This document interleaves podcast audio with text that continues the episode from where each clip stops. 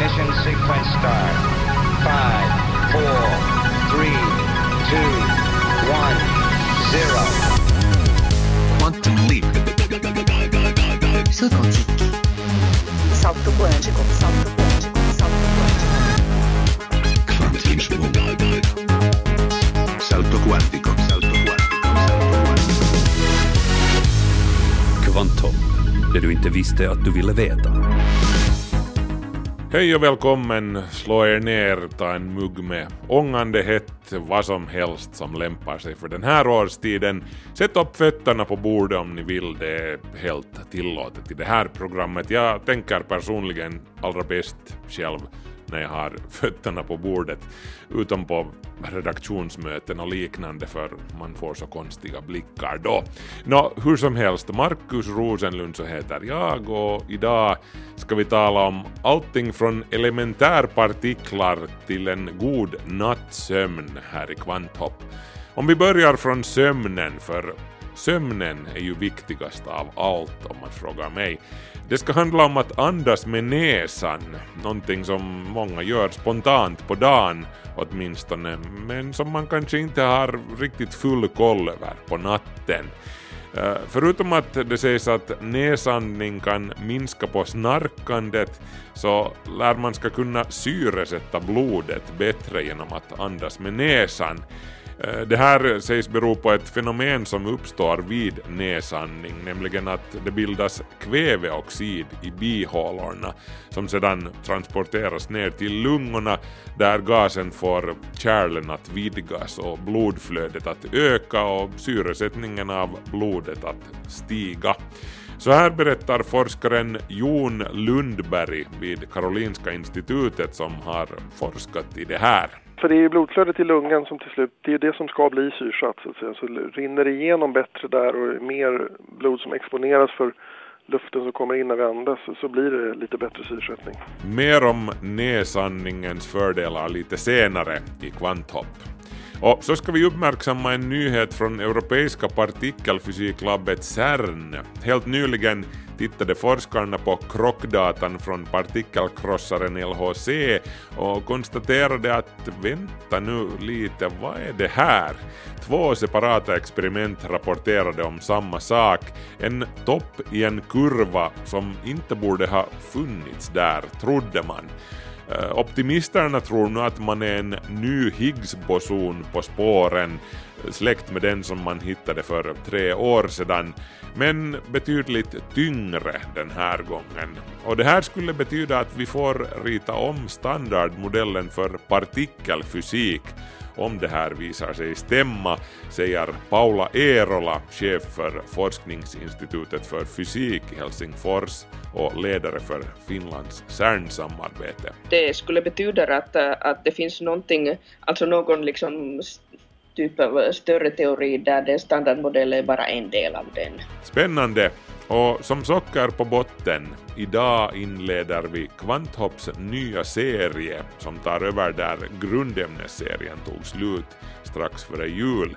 Eh, den serien heter E-nummerlotteriet och varje vecka kommer vi att lotta ut ett nytt tillsatsämne och berätta vad som döljer sig bakom dess E-nummer. Kvanthopp presenterar veckans E-nummer. Och veckans nummer är på det här sättet.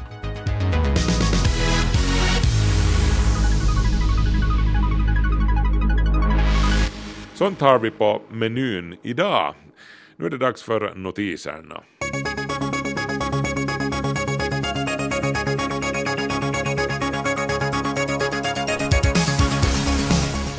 Ett nytt världsrekord i drönarflygning har satts, det vill säga hur många stycken drönare som samtidigt flyger i formation. Och det nya rekordet är 100 stycken drönare, vilket är dubbelt fler än det tidigare rekordet, meddelar Guinness rekordbok. Rekordevenemanget gick av stapeln på den tyska flygplatsen Arenlohe norr om Hamburg. Eh, medan drönarna flög så spelade en orkester ett stycke ur Beethovens nionde symfoni och det hela synkroniserades med drönarnas blinkande lampor som fick det hela att se ut som ett fyrverkeri. NASA har grundat en ny enhet vars syfte är att reagera på eventuella hot från asteroider och andra små himlakroppar som korsar jordens bana och därmed kan utgöra ett hot. Eh, om och när en rymdsten identifieras som utgör ett hot så är det tänkt att den här nya enheten ska koordinera samarbetet mellan olika amerikanska myndigheter och andra länder. Eh, PDCO heter den nya myndigheten Planetary Defense Coordination. Det låter ju pampigt, lite som Bruce Willis arbetsplats. Men det kan behövas någon som kavlar upp ärmarna när det behövs. Det beräknas just nu att det finns över 1600 stenbumlingar som klassificeras som potentiella hot och av dem är 150 i storleksklassen en kilometer eller större. Men det som den nya myndigheten ska ägna speciellt mycket uppmärksamhet åt är stenarna i storleksklassen upp till 140 meter som kan orsaka mycket skada men som är så pass små att de är väldigt svåra att hitta. Av dem har man upptäckt bara cirka en fjärdedel och varje år observerar man omkring 1500 nya. Forskare vid Oxford-universitetet har börjat tillverka världens dyraste material som får guld att verka billigt som sand i jämförelse. Ett gram av det superexotiska materialet som kallas endofullerener kostar mer än 130 miljoner euro. Ett gram alltså. Ja, laboratoriet i fråga, Designer Carbon Materials, sålde nyligen en liten provbit av endofullerener och då menar jag liten. Den vägde bara 200 mikrogram, det vill säga en femtondel av en snöflingas vikt. Priset för den biten blev 30 000 euro. Endofullerenarna som upptäcktes 1985 består av bollformade kolmolekyler med flera kolatomer eller molekyler inuti, eh, därav namnet endofullerener. Man räknar med att kunna tillverka till exempel extremt exakta atomklockor av endofullerener i framtiden, vilket skulle göra det möjligt till exempel att tillverka GPS-navigatorer som har en precision på så lite som en millimeter. Jag brukar undvika att sprida rykten här i Kvanthopp men det här är så saftigt att jag inte kan låta bli. Sega rykten gör just nu gällande att forskare vid LIGO-observatoriet i Louisiana i USA har upptäckt gravitationsvågor. LIGO är alltså en enorm detektor som uttryckligen spanar efter gravitationsvågor, de här mystiska vågorna i rumtiden som borde existera om Albert Einsteins relativitetsteori håller streck, men som ingen har lyckats observera. I september hävdade kosmologen Lawrence Krauss från Arizona State University att forskare vid LIGO har lyckats med det här att observera gravitationsvågor, men forskarna själva vägrade och vägrar fortfarande att kommentera. Men nu påstår Kraus på Twitter att en oberoende part har bekräftat ryktet. Ja, får se hur det är med den saken, men det skulle ju nog betyda att någon kan vänta sig ett Nobelpris om det visar sig stämma. Den första omfattande analysen av datan från LIGO väntas inom ett par månader så senast då borde vi vara klokare.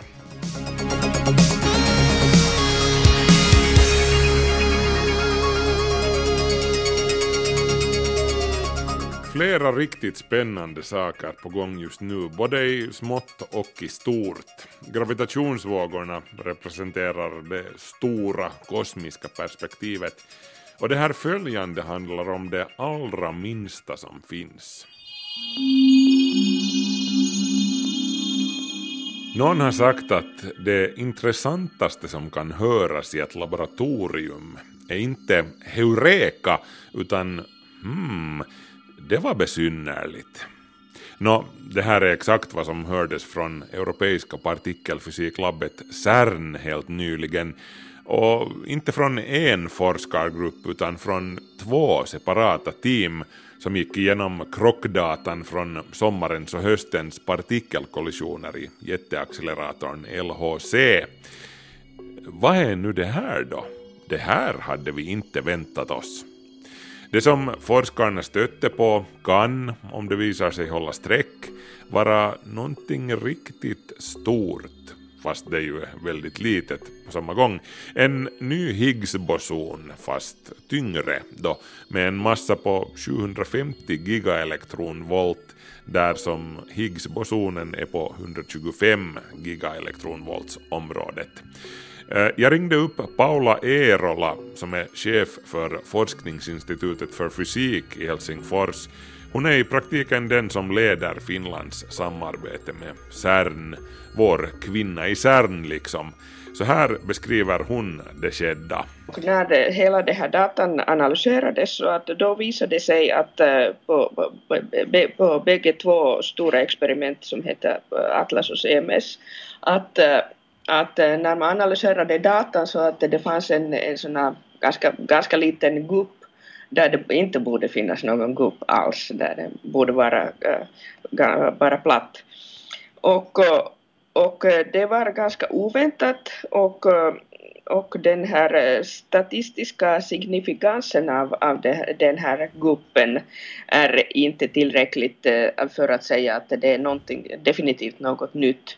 Men det, det som var kanske mest intressant var att, att det här guppens, gruppen fanns på samma ställe vid, det, det här, vid dessa eh, två stora experiment som alltså eh, både samlade oberoende, alltså data oberoende av varandra och sen analyserade också data, inte att man visste vad de andra gjorde. Den statistiska sannolikheten för att vi har att göra med en ny partikel uppges vara sigma 3, vilket är fysikerspråk som betyder att oddsen för att det hela bara beror på slumpen är 0,3 på 100 ganska bra odds för att det finns någonting där alltså. Men fysikerna vill se sigma 5 innan de tar fram skumpan. Något tag under våren borde vi vara klokare när mer data från LHC rullar in. Men om det nu på riktigt finns någonting där, vad är det i så fall som vi har att göra med? Så att eh, vad det eh, skulle kunna vara en liksom tyng, tyngre, tyngre kusin till Higgs på något sätt. Eller sen no, no, någonting helt annat. Och eh, det finns ju, alltså i alla fall om det, om det här till exempel skulle vara en liksom tyngre variant av Higgsbosonen, då skulle det betyda att, att det, det finns någonting, någonting annat eh, förutom vår, liksom den, den, eh, stand, den som kallas för standardmodellen, alltså den, den vanliga minimala eh, teorin som beskriver våra elementärpartiklar. Mm. Eh, flyger hela den gamla standardmodellen i soporna då eller kompletteras den bara av det här nya flyget? Eh, nej, den, den flyger inte, inte eh, alls i soporna, absolut inte. Så att, men det, det skulle betyda att, att det finns någonting, alltså någon liksom typ av större teori där den standardmodellen är bara en del av den.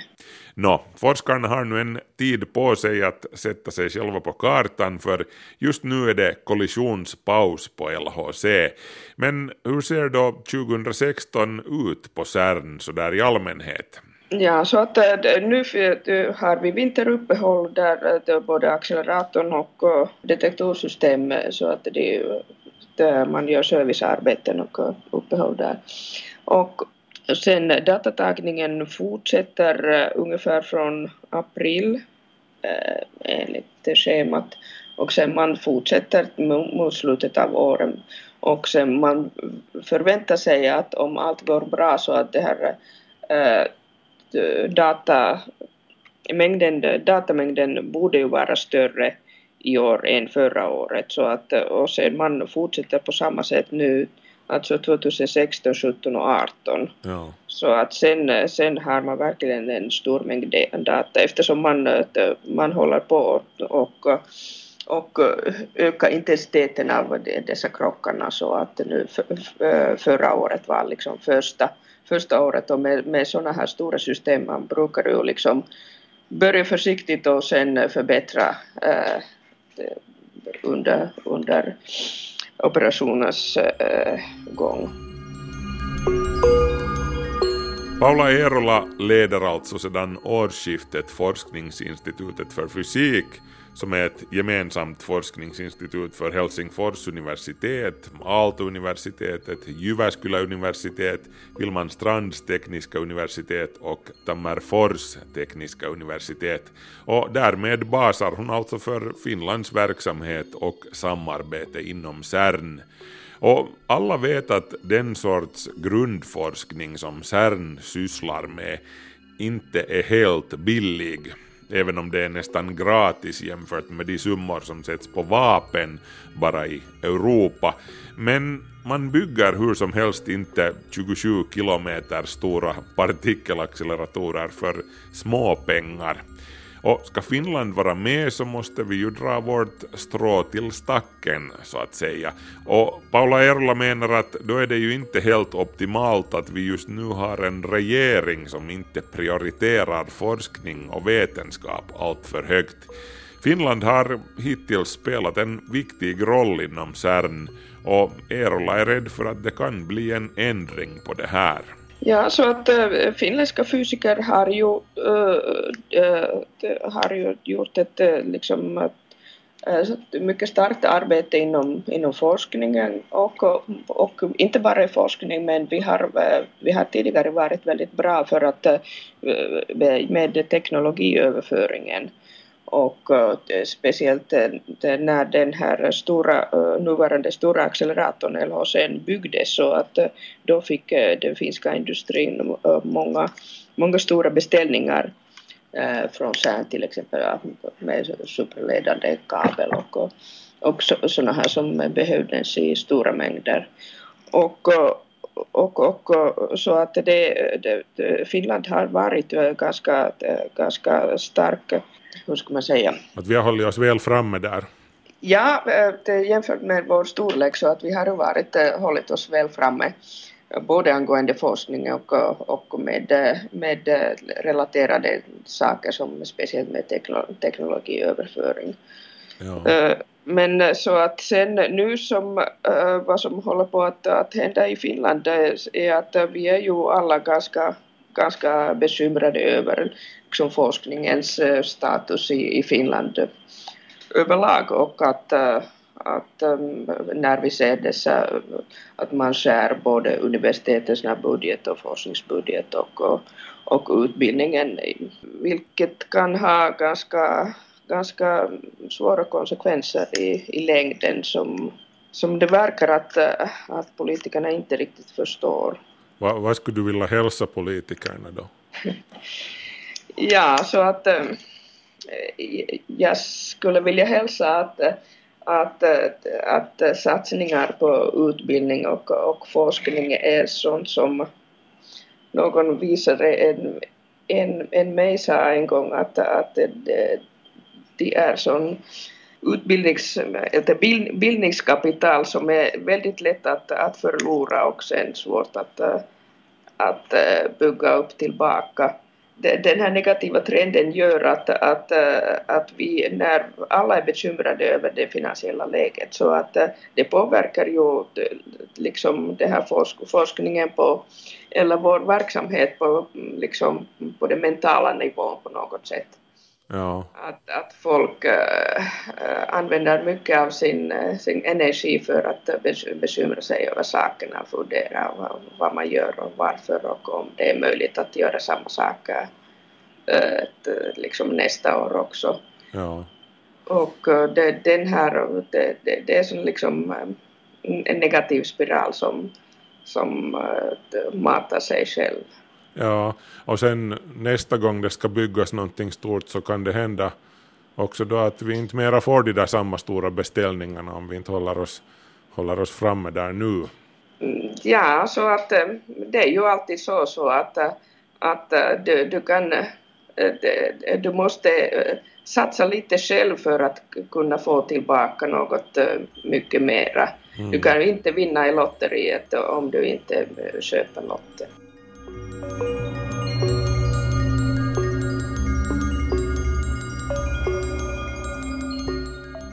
Tack ännu till Paula Eerola för intervjun. Hon är alltså chef för Forskningsinstitutet för fysik i Helsingfors.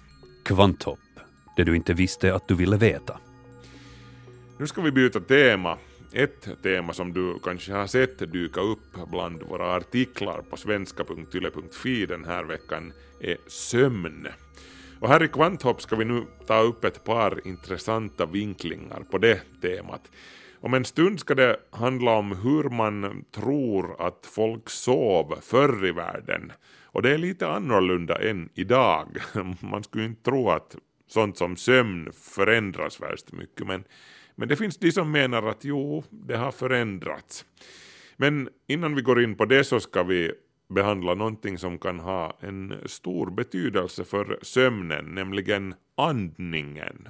Ja, många människor andas spontant med näsan och det är att föredra. Näsan både fuktar och filtrerar luften och näsandning minskar risken för att du till exempel ska snarka på natten då du sover.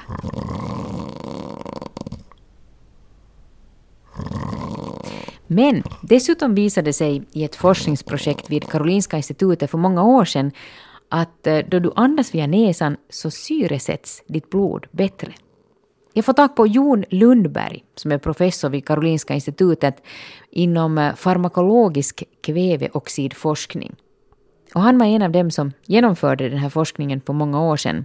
Den här forskningen som antisnarkhjälpmedlen hänvisar till. Det som sägs då är alltså att, att om man använder näsvidgare för att inte snarka så andas man bättre genom näsan och det gör att det produceras kväveoxid i bihålorna. Och den här kväveoxiden förs ner i lungorna där den vidgar blodkärlen vilket gör att blodet syresätts bättre i lungorna och sen förs det vidare ut i kroppen. Och den här processen att det bildas kväveoxid i bihålorna, den sker alltså bara genom näsandning, inte genom munandning. Och mer syre i blodet det är ju eftersträvansvärt sådär annars, till exempel sägs man ju bli både piggare och prestera bättre genom det. Men så här långt går inte forskaren Jon Lundberg, för så hemskt mycket forskar man inte kring det här. Man har inte till exempel något belägg för vilka effekter det har på hälsan. Men eh, ett intressant fenomen lyckades man alltså ändå bevisa, nämligen att mängden syre i blodet ökade vid näsandning. Det vi visade var först då att det bildas eh, en gas som heter kväveoxid som du nämnde, NO. En väldigt enkel liten gas, består av ett kväve och ett syre bara. Den bildas i näsan och framförallt i våra bihålor av någon outgrundlig anledning och pyser hela tiden ut i näsan. Eh, och där kunde vi visa genom att det går att mäta den med ganska känsliga instrument. Och, eh, när man har sån, eh, sånt instrument och stoppar in en liten slang i näsan så, och suger där så, så ser man extrema halter NO. Det var så vi hittade av en slump. Eh, och sen då man vet vad NO gör, nämligen att det vidgar kärl, så började vi tänka, tänk om det kan vara så att när man andas genom näsan eh, och drar ner luften i lungorna så åker ju den här lilla gasmolekylen ner eh, med luften. Framförallt om du andas genom näsan eftersom det är där det bildas. Och då hamnar den i lungan och då kan den vidga kärlen i lungan, tänkte vi teoretiskt. Och det borde kunna påverka lungblodflöde och kanske till och med syresättningen av blodet. Och sen kunde vi visa i en serie experiment att, att det faktiskt är sant att det är så. Det tyckte vi var ganska roligt. Det är, eh, Vi vet inte liksom den fysiologiska, hur, om det här är livsviktigt så att säga liksom för överlevnad och sådär. Det tror vi väl kanske inte. Men det, det, det är ett roligt fenomen. Och det representerar dessutom kan man säga en, faktiskt en ny fysiologisk princip. Att man kan ha ett hormon eller något ämne som bildas på ett ställe och som transporteras till ett målorgan via luften. Det tror jag aldrig beskrivits förut. Så det tyckte vi var jättekul. Och då har ju de här folk som håller på med eh, och försöker att marknadsföra snarksaker och sak, anledningar till att andas mer genom näsan. De har väl hakat på det här och refererar till våra studier när de försöker sälja sin apparatur helt enkelt. Men någonting ligger i det, det tror jag definitivt. Mm. Att det är bra att andas genom näsan och det vet man också. Att det är bra att andas genom näsan. Till exempel gör alla nyfödda barn det, andas genom näsan. Håller man, håller man för näsan på ett nyfött barn så eh, mår de inte bra alls. Så det, de är strikta näsandare. Och vi tror att en del av den goda effekten av näsandning är att det kommer ner NO i lungan. NO, det vill säga kväveoxid, mätte forskarna bland annat på patienter som låg i respirator. Det gjorde vi faktiskt på folk som låg på intensiven och var, eh, när man är intuberad. Eh, alltså man ligger med, och andas genom en tub i, rakt ner från en respirator ner i, i lungan. Den luften som åker in där har ju aldrig någonsin passerat näsan så att den är ju helt ren från NO. Noll NO så att säga. Och så då tog vi på de här sovande patienterna efter att ha bett om tillstånd innan de sov så att säga. Så tog vi när de sov och andades genom den här tuben så tog vi bara en liten slang och sög lite luft försiktigt från deras egna näsborrar och ledde tillbaka den luften in så att de fick i sig den ner i lungan och då såg vi att syrehalten i blodet som man kan mäta när man tar ett blodprov, att, att, att den ökade varje gång vi gjorde så. Och det var ett ganska starkt bevis på att, att eh, näsluft påverkar syreupptaget i lungan. Sen har vi gjort lite andra studier som, eh, som har bevisat det här, att, att, att det faktiskt är sant. Och att även blodflödet i lungan förändras lite när man, när man andas genom näsan. Så att eh, hela lungan blir bättre genomblödd.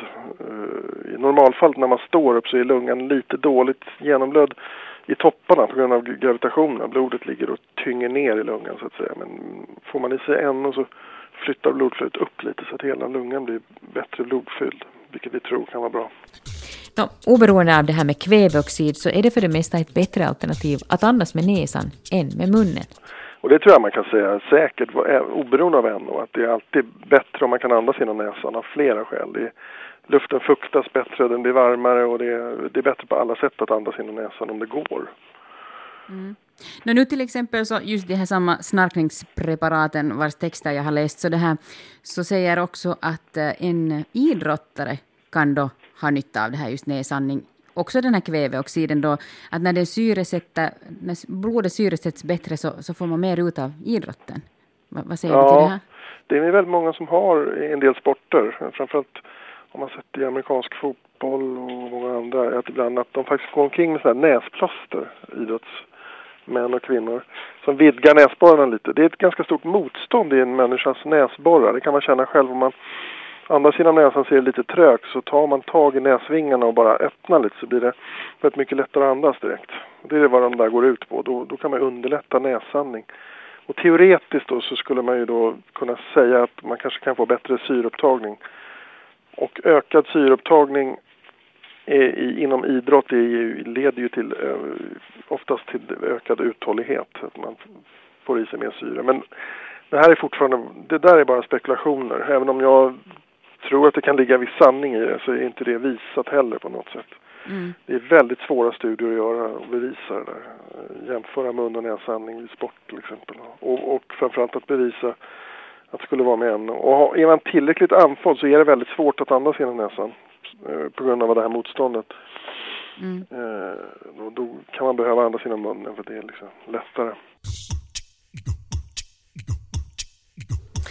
Forskningen om näsanningen och kväveoxiden på 90-talet gick ändå aldrig vidare utan forskarnas intresse svängde till en annan infallsvinkel. Fortfarande handlar det om hur kväveoxid produceras i människokroppen men nu i form av kopplingen mellan kväveoxid och nitrater.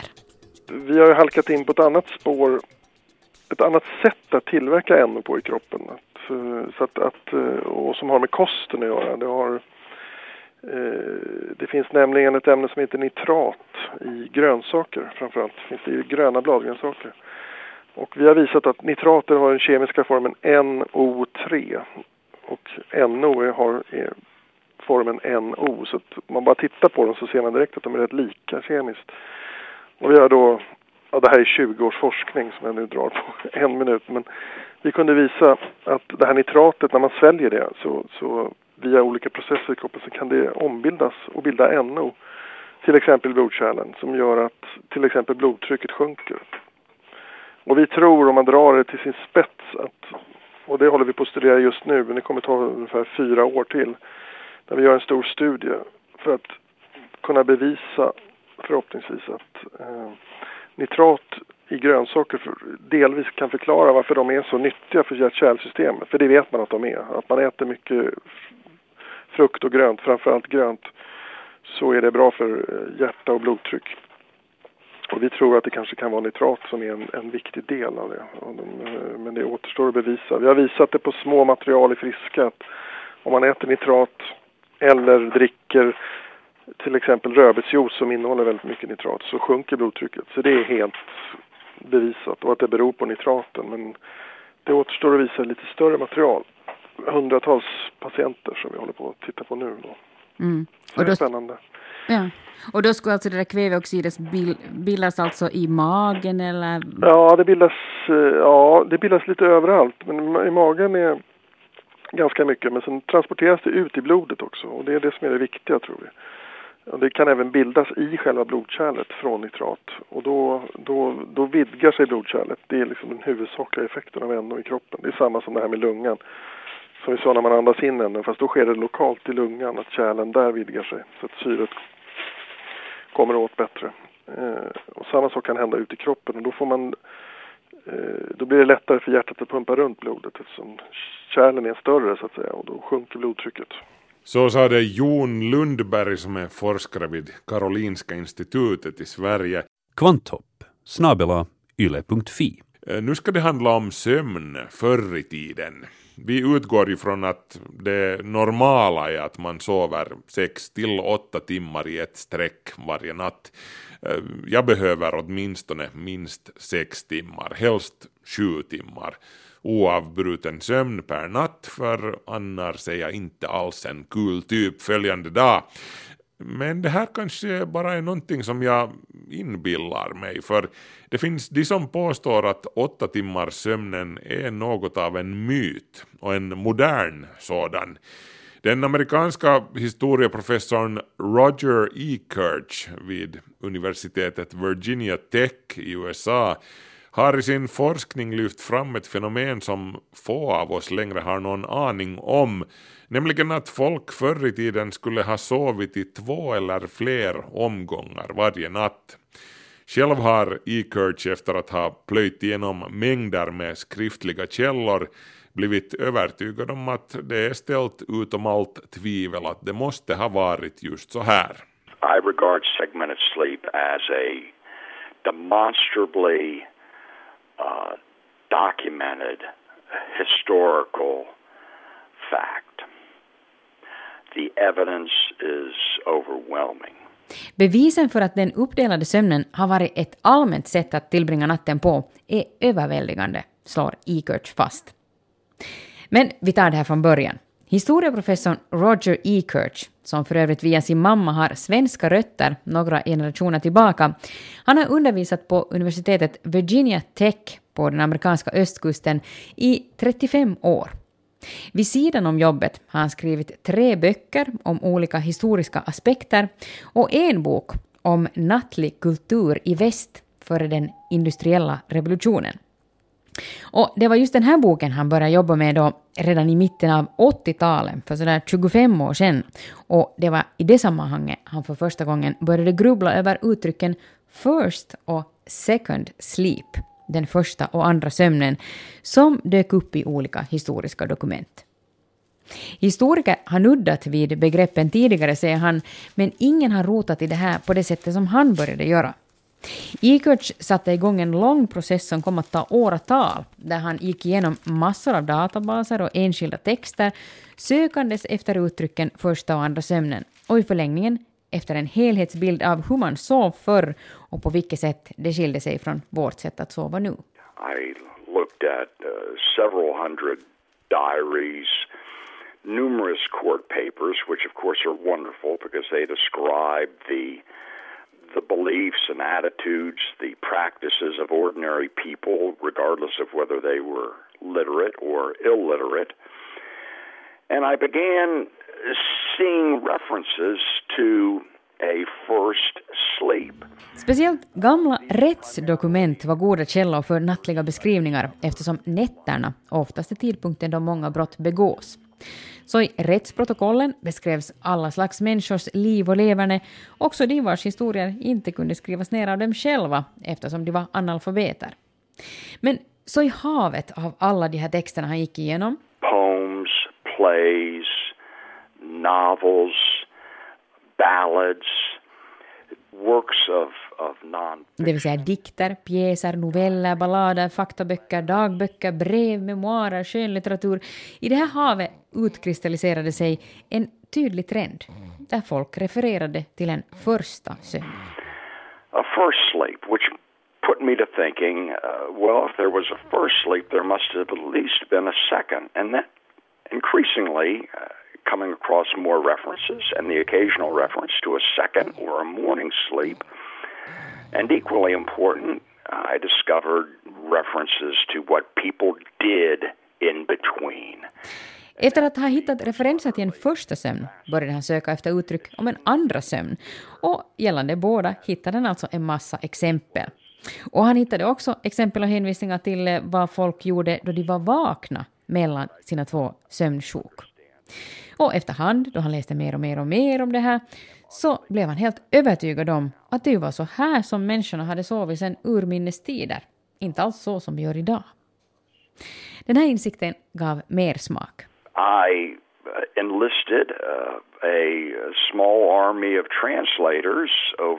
Efter att först bara ha gått igenom främst engelskspråkiga texter så började han skumma igenom databaser för annan europeisk litteratur och historiska dokument. Han gjorde en grovsållning själv och anlitade sen översättare för att hitta de behövliga hänvisningarna på till exempel franska, italienska och latin. Och överallt hittade han exempel. Till och med i den gamla grekiska Odysseen, skriven uppskattningsvis 700 år före Kristus. Vi ska titta närmare på det här vad E. Kirch har kommit fram till. Hur sov man alltså förr? typically upon retiring at 9 or 10 p.m., an individual would sleep for three, three and a half hours, awaken as shortly past midnight, remain awake for up to an hour or more, and then return to their segmented sleep, which Förstås fanns det individuella skillnader, men ett typiskt sovmönster i västvärlden före den industriella revolutionen, sådär i slutet av 1700-talet, så var att lägga sig och sova 9-10 tiden på kvällen, sova 3 till 3,5 timme, vakna och göra lite saker och sen lägga sig igen efter en timme eller sådär och sova ungefär lika länge som under det första sjoket during the intervening period of wakefulness, they did uh, just about anything imaginable. They prayed, they meditated, they engaged in sexual intercourse. Mellan de två sömnsjoken engagerade sig folk i bland annat erotik, böner, drömanalyser, toalettbesök och till och med ett besök hos grannen eftersom också han eller hon var uppe och filosoferade mitt i natten. Och allt det här var alltså någonting fullkomligt vanligt och normalt. Uh, most persuasive to me is not only that uh, first and second sleep uh, can literally, those precise expressions, be found in a numerous body of foreign languages. Equally important, if not more so, is the way in which they were used uh, as a familiar expression. Just det här med att alla visste att det var så här fascinerar E. Kirch. För ingenstans har han hittat exempel på att någon skulle ha ansett att vakenhet mitt i natten var ett problem som måste lösas. Självklarheten med begreppen tar sig uttryck också genom översättningar av dem. Till exempel då den grekiska klassikern Odysseen översatts av 1900-tals översättare så har de omskrivit den så kallade första sömnen till att vara skönhetssömn eller sömn tidigt på natten. Medan en översättare på 1600-talet, som översätter då samma text, översätter första sömnen ordagrant eftersom översättaren själv är bekant med det sovsättet. Because to him, the reference to first sleep was entirely natural. He knew to translate it literally. Men någonting hände alltså under 1700 och 1800-talet, för då försvann alla hänvisningar till första och andra sömnen. Roger E. Kirch har tolkat det som att det var tre saker som förändrade västvärldens sätt att sova. A growing sense of time consciousness among the middle classes that encouraged early rising. That was the expression early rising by foregoing one's second sleep. This was a moral crusade.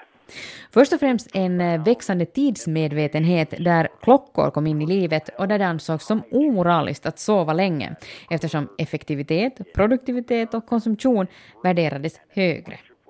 Sömn började ses som ett nödvändigt ont och någonting som skulle minimeras och pressas ihop. But I think ultimately, even more important to understanding sleep's consolidation in the 1800s, and this was equally related to the Industrial Revolution, was the growing prevalence of artificial illumination. Men eh, dessutom började folks dygnsrytm påverkas av artificiellt ljus. Efter att människan genom historien fått klara sig med behjälpliga ljuskällor i form av facklor och ljus av talg och bivax så kom plötsligt lampor i hemmen, gatubelysning på stan och slutligen den elektriska belysningen som lyste upp alla skrymslen i samhället vilken tid på dygnet som helst. Dels så inverkade ljuset helt praktiskt så att det nu gick att göra saker sent på kvällen då det var mörkt. Dels så påverkas människan överlag hormonellt av belysning så att dygnsrytmen kan ändras. There's widespread scientific agreement on the impact of light or in turn its absence on sleep. A very distinguished sleep scientist, Charles Seisler at Harvard, has remarked every time we turn on a light, we are inadvertently taking a drug that affects how we sleep. Varje gång vi tänder en lampa så är det som vi skulle ta ett medel av något slag som påverkar hur vi sover, säger E. Kirch och hänvisar till en sömnforskare vid Harvard-universitetet. Och slutligen menar E. Kirch, då man en gång glömde bort det gamla sättet att sova så började man sen istället odla en uppfattning att det är någonting fel med att vakna mitt i natten.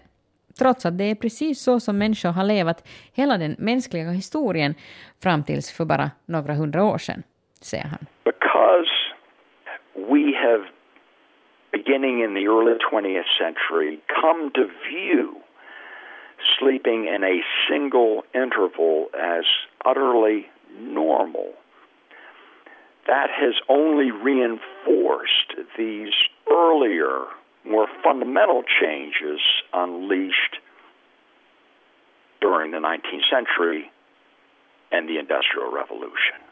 Så Ikers hoppas att den här forskningen kan hjälpa folk som idag ser det som ett problem att vakna upp mitt i natten till att förstå att det är något helt normalt som våra förfäder sysslade med hela tiden och att det bara gäller att sysselsätta sig en liten stund och sen sikta på att sova igen. I think that people who experience segmented sleep today already uh, should not torment themselves and should recognize that their pattern of sleep from a historical perspective is wholly natural. If there is no other explanation residing in mental or physical illness. Förstås kan det finnas någon viss specifik orsak, mental eller fysisk, till att man vaknar nattetid, men då sådana är uteslutna så kan man konstatera att det är så här som folk genom tiderna har sovit, sade professor Roger E. Kirch vid Virginia Tech i USA. Det här inslaget var hämtat ur Kvanthopps arkiv och sändes första gången år 2012. Redaktör var Ulrika Fagerström. Kvanthopp. Sikta mot stjärnorna. Och nu är det dags för Kvanthopps nya serie som tar över där grundämnesserien slutade strax innan jul. Konceptet för den här nya serien är väldigt enkelt. Varje vecka kommer vi att lotta ut ett nytt E-nummer. Ni vet de här som finns på livsmedelsförpackningarnas innehållsförteckningar, tillsatsämnen helt enkelt. Det finns hundratals av dem numrerade. Får se hur långt vi hinner. Och det första E-numret lottas ut här och nu. Kvanthopp presenterar veckans E-nummer.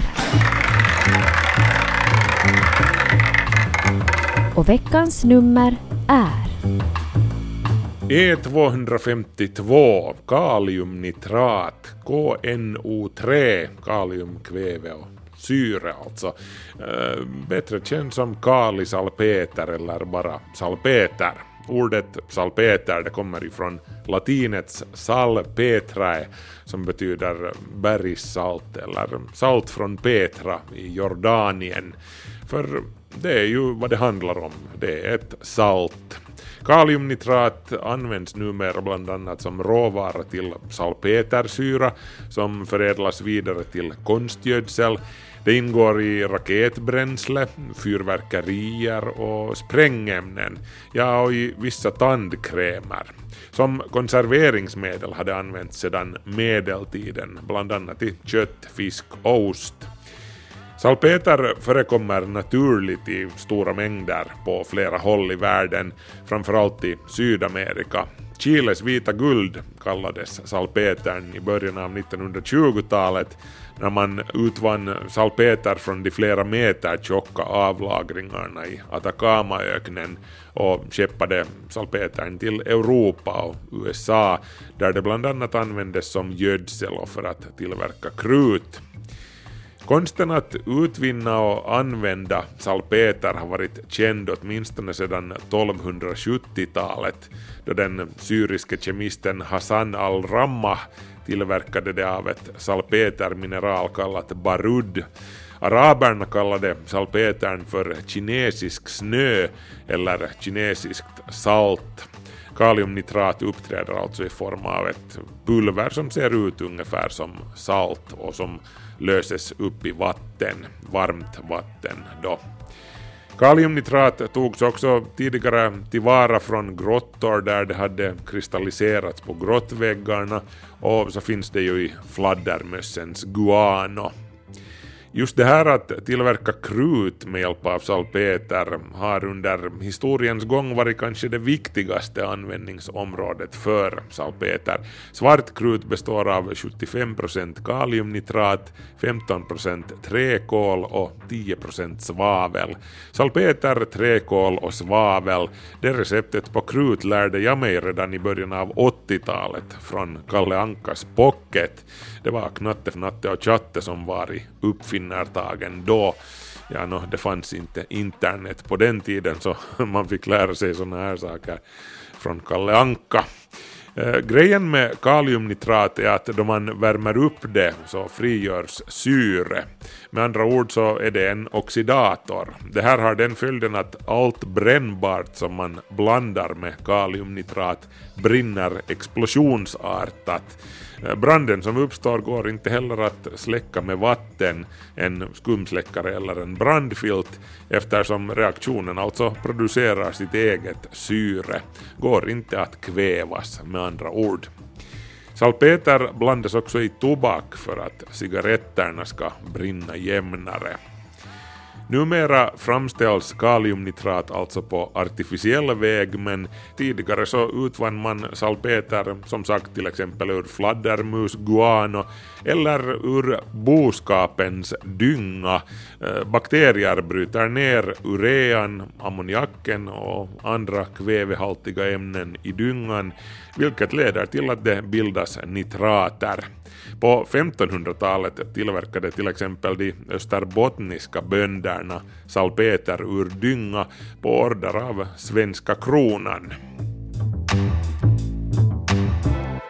Du hörde E-nummerlotteriet i Kvanthopp. E252, det vill säga kaliumnitrat. Nästa vecka ett nytt E-nummer.